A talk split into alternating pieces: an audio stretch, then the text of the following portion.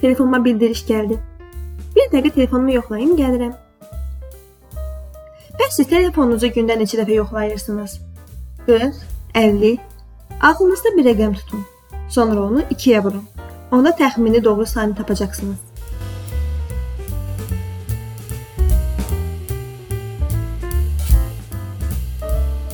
Hamıya salamlar. Xoş gördük sizi bu təzə bölümdə. Necəsiniz? Necə gedir işləriniz?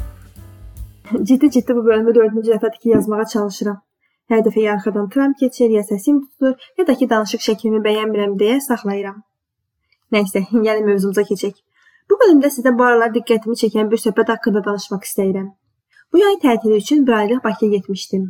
Bakıya getməmişdən əvvəl beynimdə bacım və xalam qızı ilə eləmək istədiyim çoxlu şeylər var idi.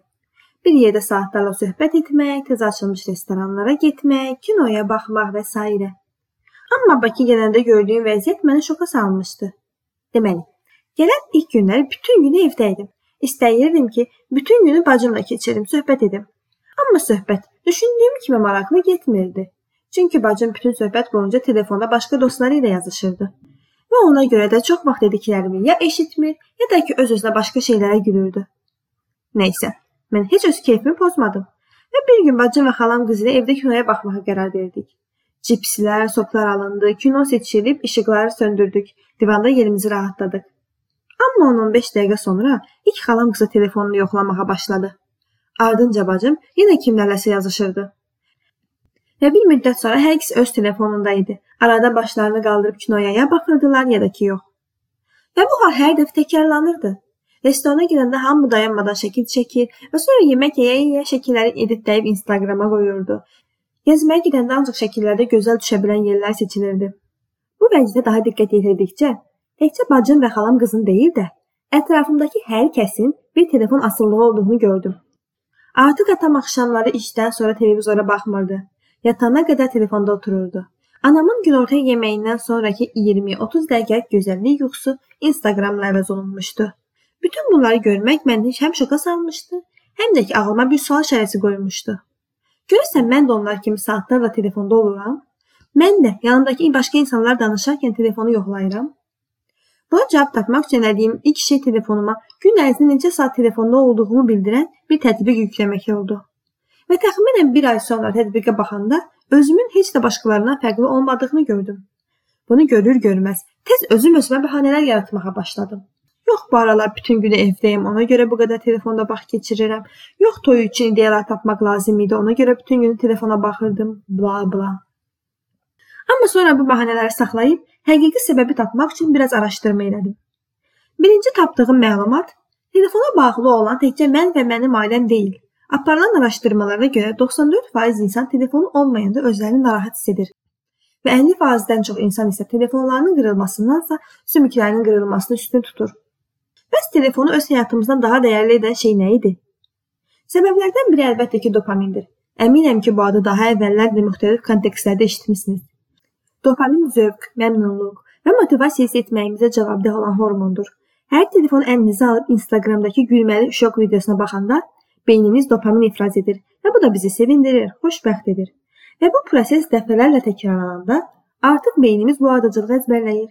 Telefonu götür, xoşbəxt ol. Və buna görə də telefonu əlimizdə olanda özümüzü daha yaxşı hiss edirik. Hətta müəyyən bir vaxt sonra telefonu götürüb bir şeylərə baxmaq o qədər adiləşir ki, bu artıq bir alışqanlıq olur. Ona görə də gün ərzində dəfələrlə əlimizi heç düşünmədən telefona atırıq.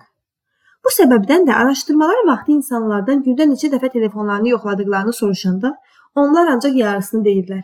Qalan yarısı heç düşünmədən elədikləridir. Əlbəttə ki, insanların telefondan bu dərəcə asılı olmasında başqa səbəblər də var.